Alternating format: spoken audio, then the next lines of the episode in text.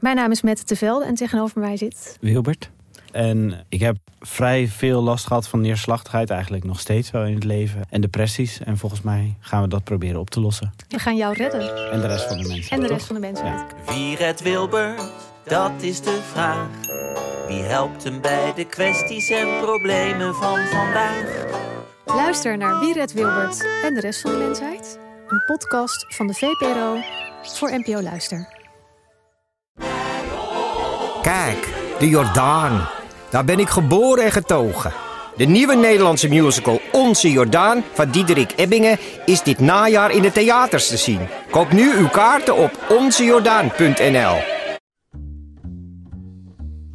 Hallo, vanaf de redactie van de Groene Amsterdammer is dit uw wekelijkse podcast. Ik ben Kees van der Bos. Vier van de negen lijsttrekkers van de grootste politieke partijen zijn nu vrouw. Bij mij aan tafel Sigrid Kaag van D66. dat we nu nog steeds zeggen: Oh, een vrouw lijsttrekker. Waar gaat het over? Of de man het wel leuk vindt, of de, of de vrouw, eh, de kinderen, de poes, de hond. Lilian Marijnissen van de SP.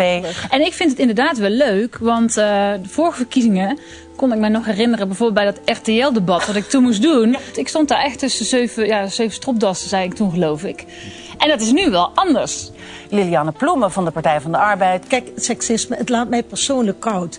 Maar het moet wel echt de wereld uit. Want het, het, het maakt het wel moeilijk voor vrouwen om erin te stappen. En Esther Ouwehand van Partij voor de Dieren. Het traditionele politieke bolwerk is toch ook met al die mannen is toch ook toch best wel vaak een wedstrijdje verpissen. Dat is wel een doorbraak. Ehm, ja, wat vindt uw man? Ehm, ja, ik moet er al niet aan denken dat ik zou zeggen dat ik mijn man betrek bij nationale besluitvorming. Want er zitten twee dingen aan. Een tikje seksisme als, eh, als ik dat zou doen. Maar het zou, ik zou ook nog heel veel racistische of xenofobe opmerkingen over me heen krijgen. Want mijn man is buitenlander en erger nog, tussen aanhalingstekens, het is een Palestijn.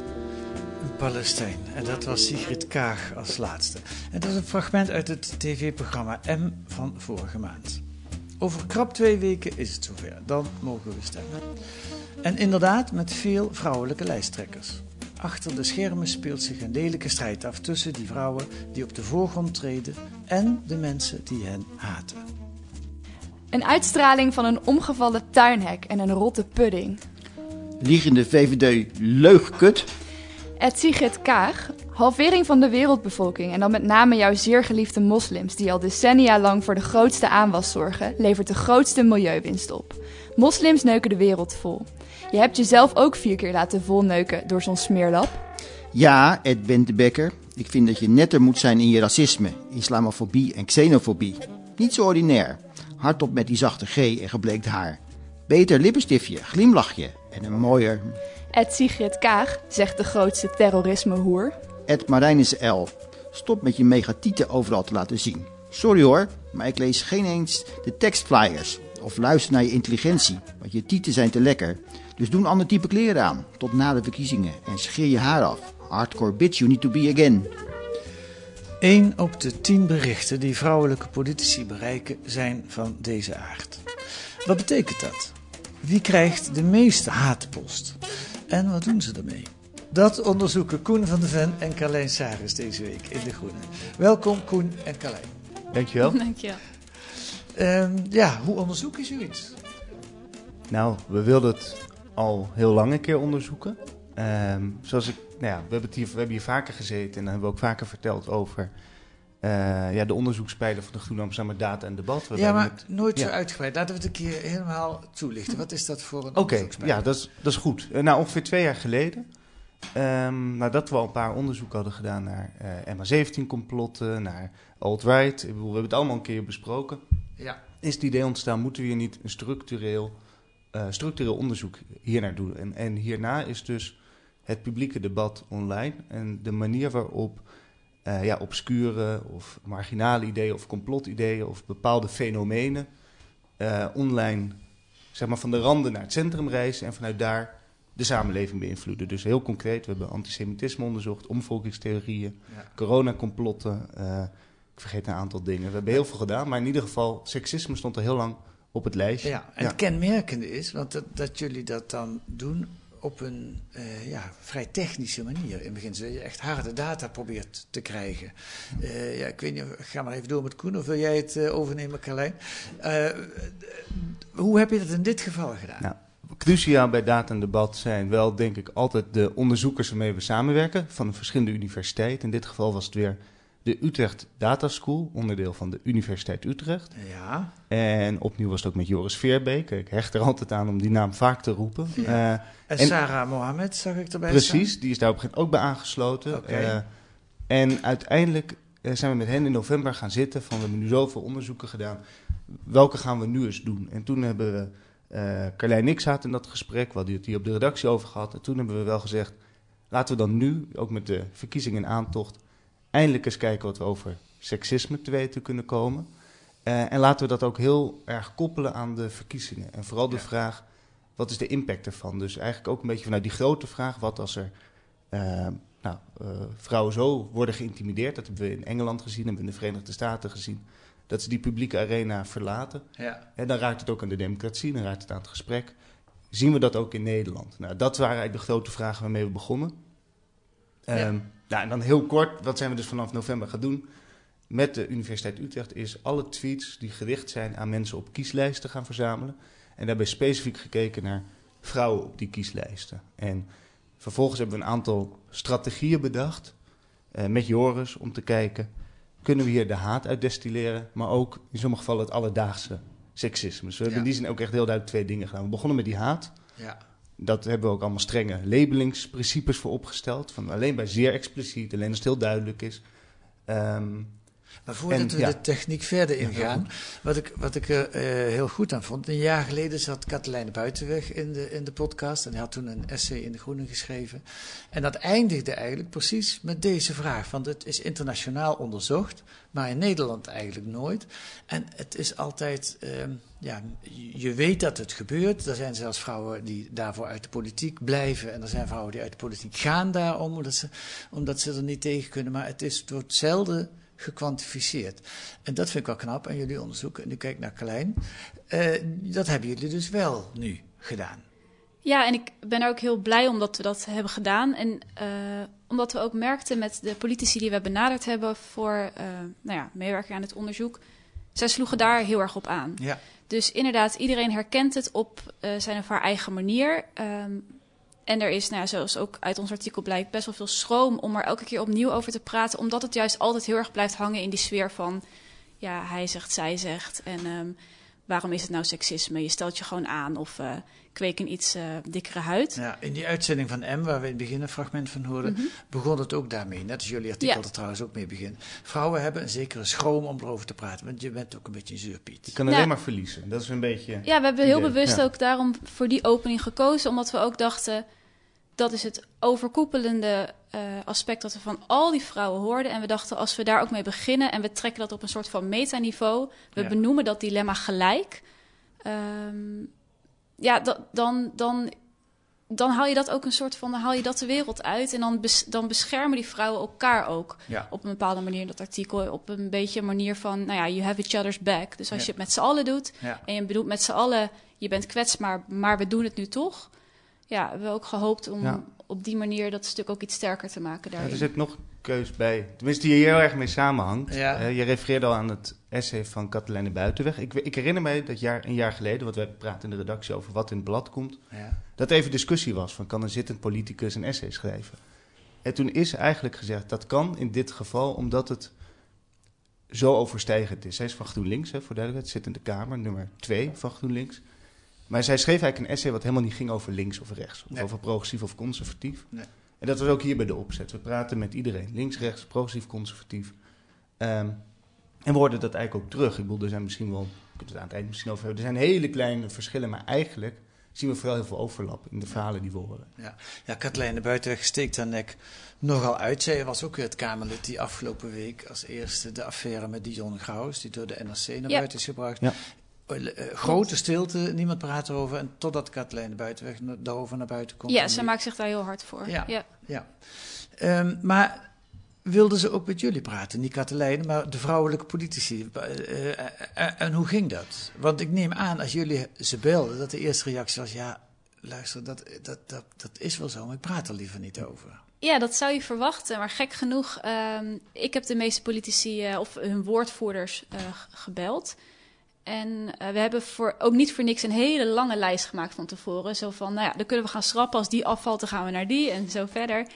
Maar het was eigenlijk bijna elke keer gelijk bingo. En met een enthousiasme wat me ook heel erg verbaasde. Ehm, en ik merkte dat, dat die woordvoerders ook vaak aansloegen op het moment dat ik zei... nou ja, we gaan uh, bijna drie, of meer dan 300.000 tweets analyseren. Dat, dat die datacomponent en het feit dat het gewoon zwart op wit staat... en dat dat geen discussie meer is...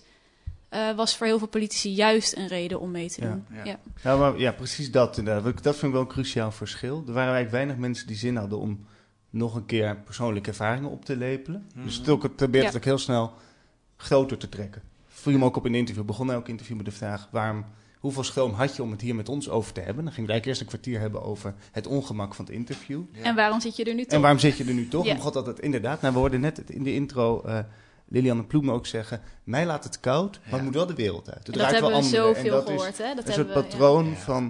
Uh, en terwijl wij eigenlijk wel merkten, na een half uur kwamen eigenlijk dan ook alweer de eigen verhalen. En nou goed, dat, ja. Uh, ja. ja. En dat mij laat het koud, is dat een schild of is dat echt zo?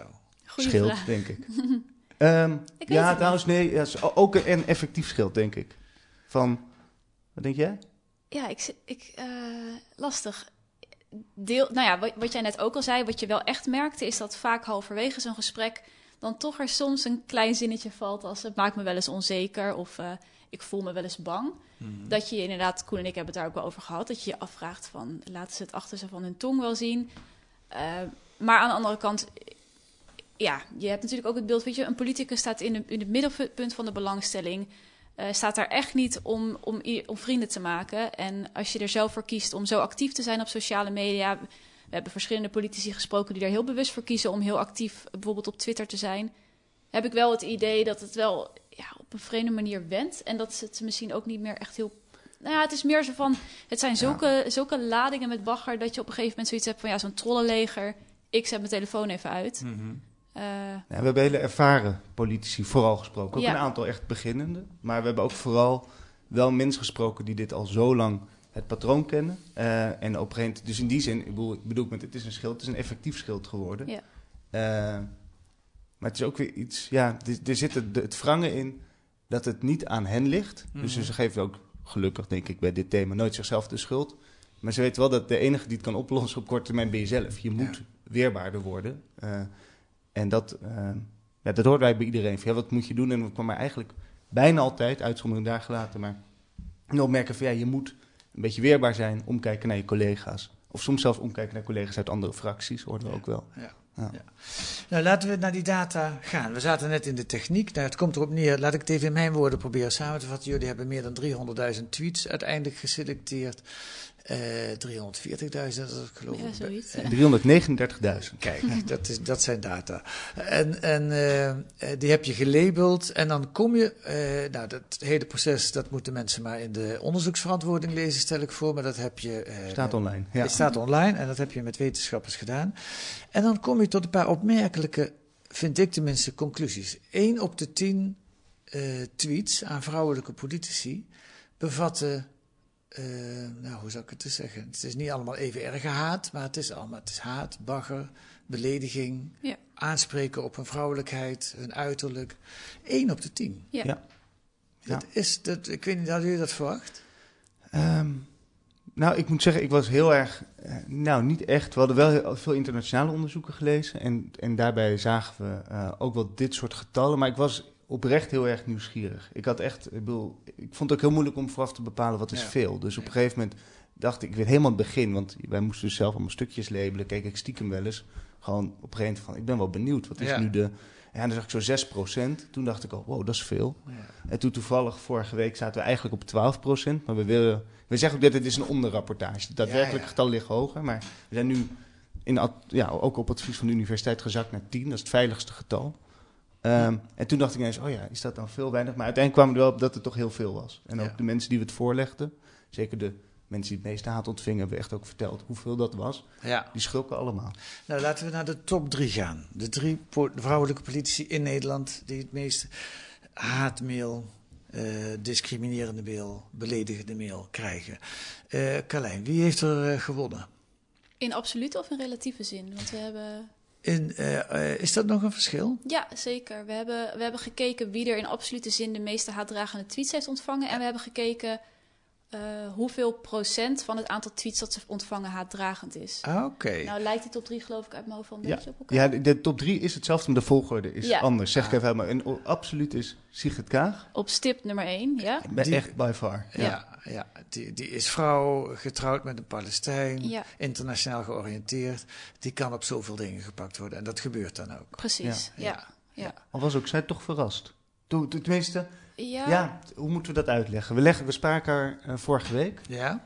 En eh, nou, dan vertelden we over het onderzoek, hoe we dat hebben gedaan. En toen zei ik, nou oké, eh, hier zijn we op uitgekomen. Ik zeg even uit mijn hoofd, bij haar is dat zelfs 22% Ja. van alles wat zij ontvangt is echt Eén op de haatdragend. vijf. Dus En- daar. Ieder kwartier, geloof ik. Ieder Ja. kwartier een haatdragende tweet. Ja. Ja, dat hebben, we, dat hebben we uitgerekend en daar zit...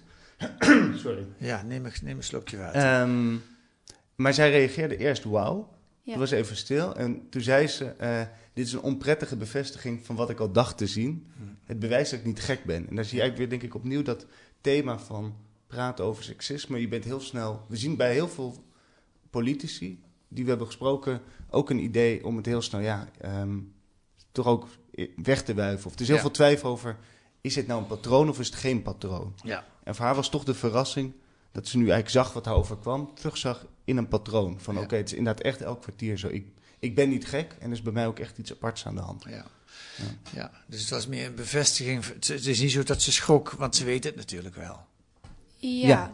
Maar ze weet niet dat ze, dat ze tot de top drie, of dat ze zo bovenaan staat. Dat ja, was wel. precies. En ja. sowieso zo in, in cijfers uitgedrukt.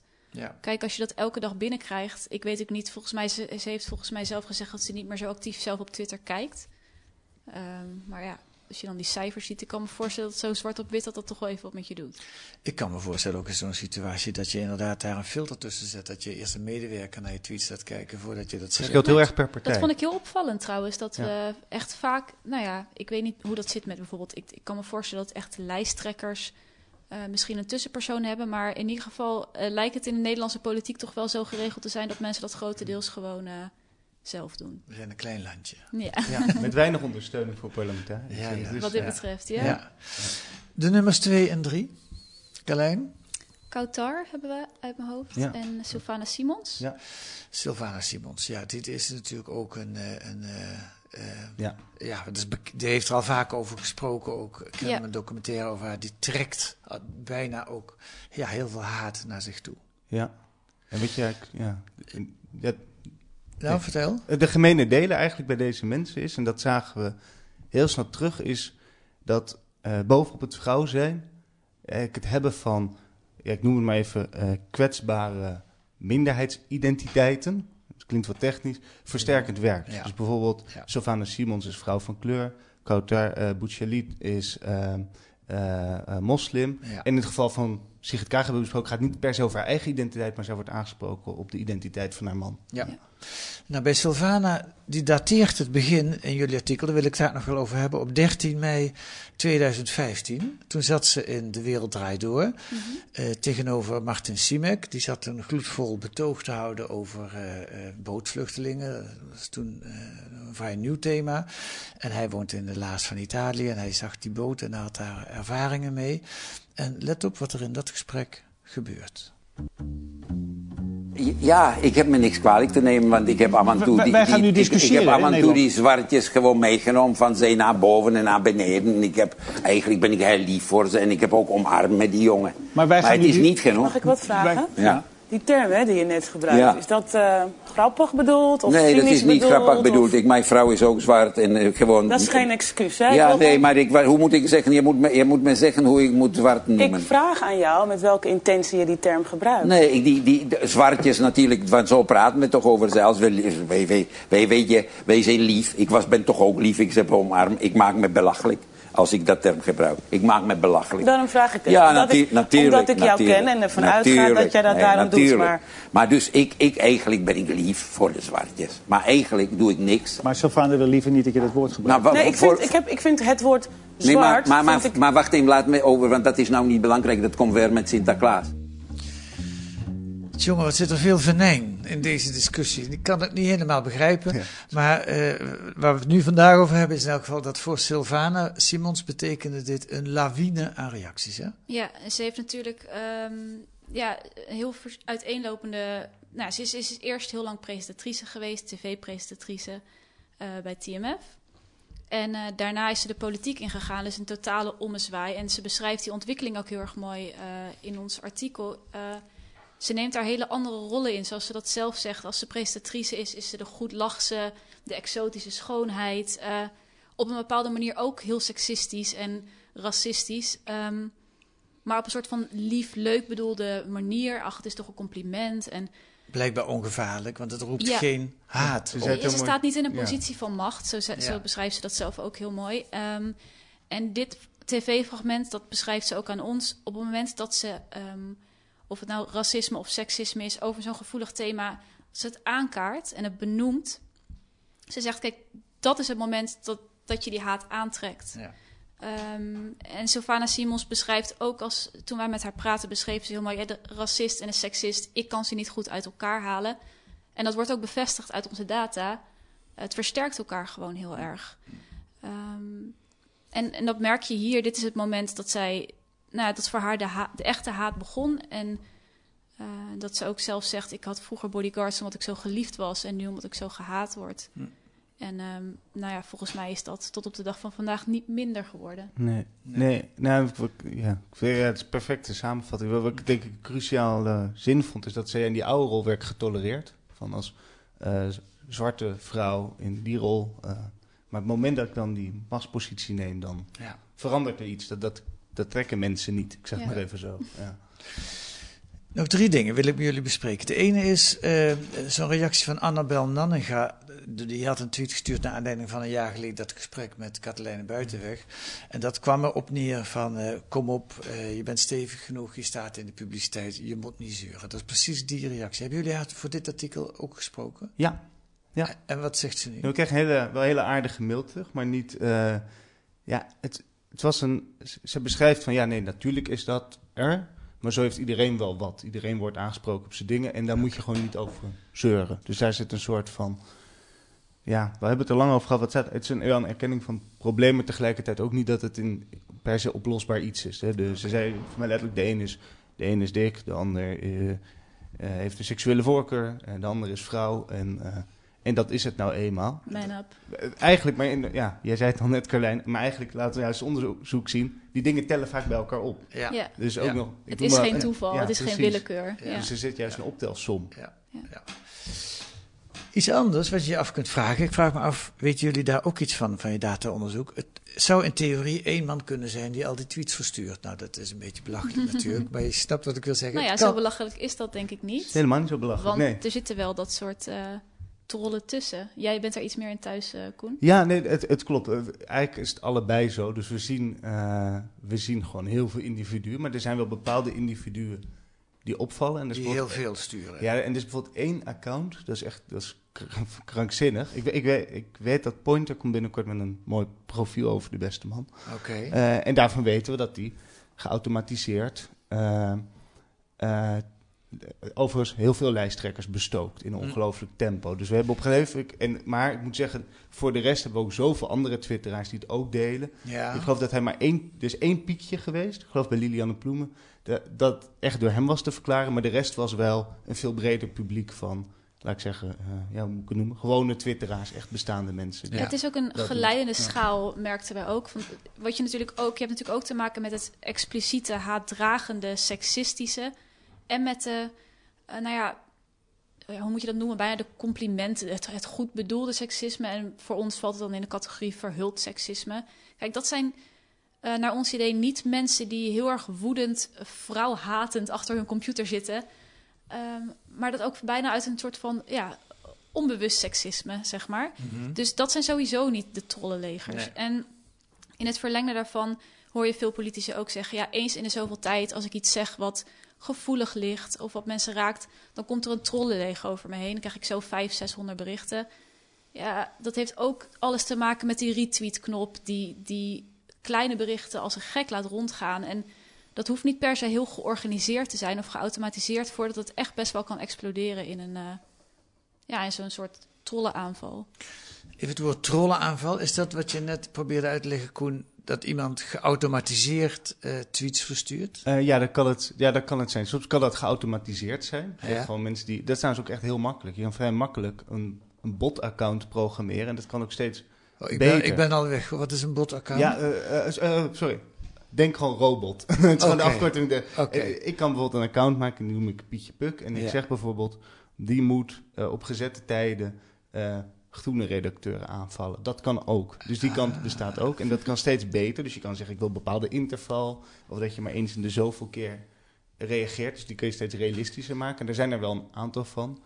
En daarnaast zijn er gewoon de echt... Uh, ja, de expliciete vrouwenhaters. Ja. En inderdaad, laten we zeggen, de... Uh, ik geloof dat Dylan Jezus van de VVD noemt ze de meneren. De meneren. Uh, die helemaal misschien niet zo openlijk haten, maar die, uh, die dan kunnen zeggen... Nou mevrouwtje, nou dametje. Kom je wel even uitleggen hoe het zit. Ja. Precies. Ja. Nou, dat, jij noemde dat net, Carlijn, verhuld seksisme. Daar heb ik een mooi voorbeeld van uit de Tweede Kamer van twee jaar geleden.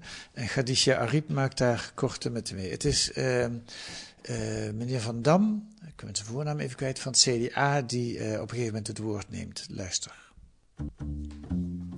Maar dat is onzin, want je kan normaal nee, gesproken nee, kan je ook een niet. debat aanvragen nee, nee, met nee. een brief. Als u een debat aanvraagt, dan ga ik kijken of er steun voor nou, is. dan hou ik bij deze het uh, aanvraag staan voor een debat okay. met een brief. Oké, okay, dan ga ik naar de heer Van Dam, namens het CDA. Ja, voorzitter, ik heb lang geleden afgeleerd dat als twee vrouwen van mening verschillen, dat ik daar als man nee. uh, mij helemaal in moet mengen. Dit is echt, meneer Van Dam. Maar ik richt meneer mij, Van Dam. Ik richt mij... Nee, meneer Van Dam, daar gaat u niet zomaar uh, makkelijk mee, mee weg. Hoezo twee vrouwen? Hoe vaak heb ik met u een discussie? Of met de heer Azarkan? Wat is dit voor een opmerking? Neem het terug. Neem het terug. Voorzitter, ik heb u zo hoog dat alles wat ik zeg met een intentie die misschien een andere was, okay. wat u beroert, dat ik dat terugneem. Nou, dat goed. Goed, meneer Van Dam is weer terug in zijn hok. Met nog een bijrolletje ja. voor Katelijne Buitenweg. Ja. Inderdaad, ja. Ariep komt trouwens heel vaak terug in gesprekken. Zeker, ja. Ja? Hoezo? Ja. Uh, nou ja. Normerende Kamervoorzitter. Zei, dit, dit is een perfect voorbeeld van iets... Eerlijk gezegd was ik hier dus ook helemaal niet zo alert op. Ik kende toevallig ook dit fragment, maar... Wat we echt veel hoorden was dat zij best wel kan ingrijpen bij dit soort voorbeelden. En dat dat door heel veel vrouwelijke volksvertegenwoordigers ook echt wel eens prettig wordt ervaren. Soms ook kleiner, dat bijvoorbeeld als er iets is voorgevallen, ze ook wel Kamerleden even kunnen opzoeken en kan zeggen: Goh, ik heb dat gezien, of uh, gaat het? Of uh, die schijnt best wel oog hiervoor te hebben. Ja, het is, het is ook een goed voorbeeld van. Um dat verhulde seksisme, dat je, kijk, uh, zonder dit een hele erg duidelijke man-vrouw discussie te maken, maar dat je je misschien kunt voorstellen dat als er op die positie een man had gezeten, um, in de categorie meneren, zoals we die in ons artikel zijn tegengekomen, dat misschien gewoon gedachteloos voorbij was gegaan. En uh, nou ja, Ariep is er gewoon heel erg goed in om dat daar echt even haar moment voor te nemen. En nou ja, je, je merkt ook dat er gewoon veel bijval is, ook van de mannelijke Kamerleden, maar het is gewoon goed dat het even benoemd wordt en uh, iedereen weer even op scherp gezet wordt. Nou, dat is uh, wel duidelijk. Nog een, nog een laatste vraag. Uh, uit alle internationale onderzoeken blijkt dat dit, dit is overal een probleem. in, in, in het Lagerhuis las ik in jullie artikel zijn zelfs 18 vrouwelijke Kamerleden of lagerhuisleden die van een verdere carrière afzien vanwege ja. de stormen die ze over zich heen krijgen. Nou, hoe erg we het hebben. Um, maar komt het ook bij mannen voor?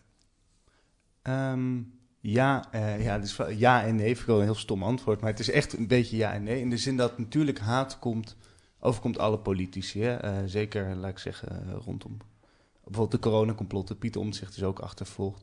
Mm. Wilders is natuurlijk het zwaarst beveiligde Kamerlid. Ja. Dus dat heel duidelijk. Het enige wat denk ik, en dit is een vrij cruciaal verschil... Um, en dat blijkt ook uit alle onderzoeken... de aard van de kritiek is vaak anders. Dus... Um, nou, misschien mag ik dat voorbeeld gebruiken. De vorige keer dat wij in deze podcast samen zaten was rondom een stuk over complotten. Café Weltschmerz was ook hier aan deze tafel. Ja. Toen kregen we na afloop natuurlijk kregen we er lekker van langs. En, Dat was een podcast, laat ik het even uitleggen. Ja, die ging over eh, de opkomst van een conservatieve zuil, een mediazuil in elk geval. Met Café Weltschmerz, eh hoe heette die krant ook weer? Die Ja, gratis de krant. Gezond Verstand en de Gezond andere Verstand. krant. En- Nou, en jullie hadden daar mooi onderzoek naar gedaan en vertelden daarover. Maar we kregen andere kritiek.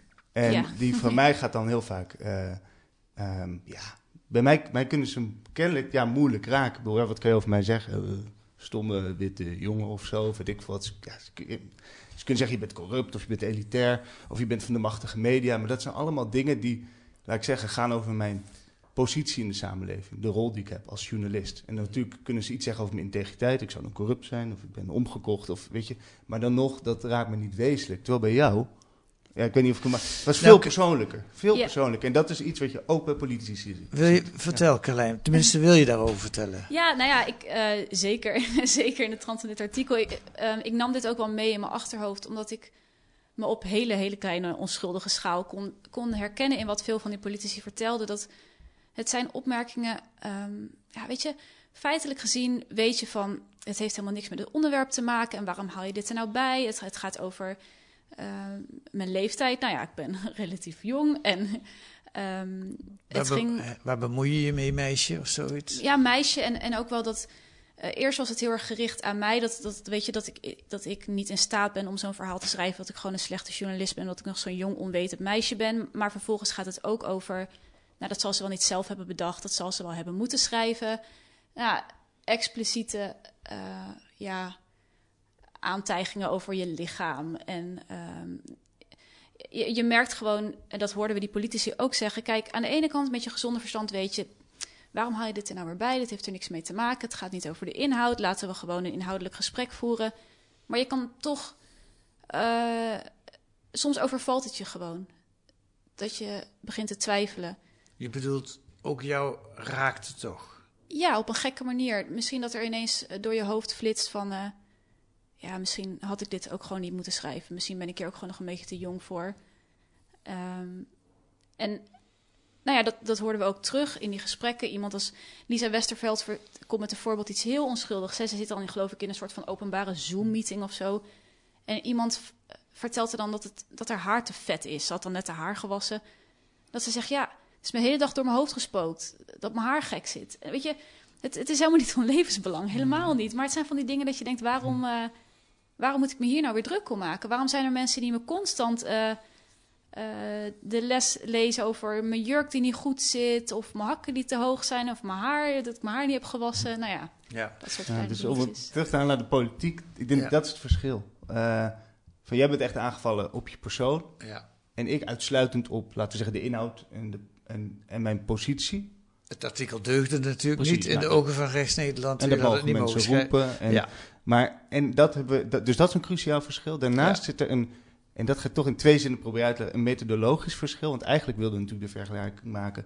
Krijgen vrouwen inderdaad meer haat dan mannen? Zoals Mhm. ze wel in de anglo-saxische wereld in verschillende onderzoeken laten zien. Ja. Maar wat zich daar wreekt, en dit is bijna ironisch, is dat het heel moeilijk te onderzoeken is. Omdat bijvoorbeeld in Amerika had je kunnen kijken, eh, Hillary Clinton tegen Trump. Twee mensen in een gelijke machtspositie en dan kun je iets vergelijken. Terwijl het hier, de, als je dat hier doet, wij zagen geloof ik dat de haat wel ietsje meer was dan bij mannen. Ja. Maar het ingewikkelde aan die vergelijking is dat eigenlijk eh, de mannen in die dataset veel machtiger zijn, veel geprofileerder. Dus bijvoorbeeld de Mark Rutte, eh, alle coronaministers, Hugo de Jonge, Grapperhaus, maar ook Wiebes, eh Koolmees, alle prominente plekken in Nederland worden bezet door mannen. Dus Ja. als we hen vergelijken met vrouwelijke politici, eh, krijg je een probleem. En, Ja. en nog één zin, we kunnen we ook eh, corrigeren voor hoeveelheid, maar niet voor machtspositie in zo'n datavergelijking. Dus dat is ingewikkeld. Nou, wat ik ook in jouw verhaal hoor, Carlijn, is dat je. Het, lijken andere niveaus te zijn.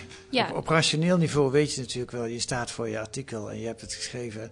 Maar je wordt niet op rationeel niveau aangesproken. Nee, het is, eh, nou ja, volgens mij hebben we dat in ons artikel ook met meerdere termen wel geprobeerd te beschrijven. Het is ondermijnend of delegitimerend. Eh, het, het heeft een ondertoon van je mag niet meepraten. Jij weet hier niks van. Je bent te jong of te dom of te, nou ja, noem maar iets op. Maar er gaat iets vanuit van hoe durf jij eh, hier iets over te zeggen of hier iets over te vinden. En ondanks dat het er niet letterlijk staat, ja, wat ik zeg, dat is wel de ondertoon van de boodschap. Ja. Nou, dank dat je er vandaag in elk geval iets uh, van wilde vinden. en Koen, uh, uh, Koen van der Ven en Carlijn Saris, dank jullie wel. Dank je wel. Dank je wel.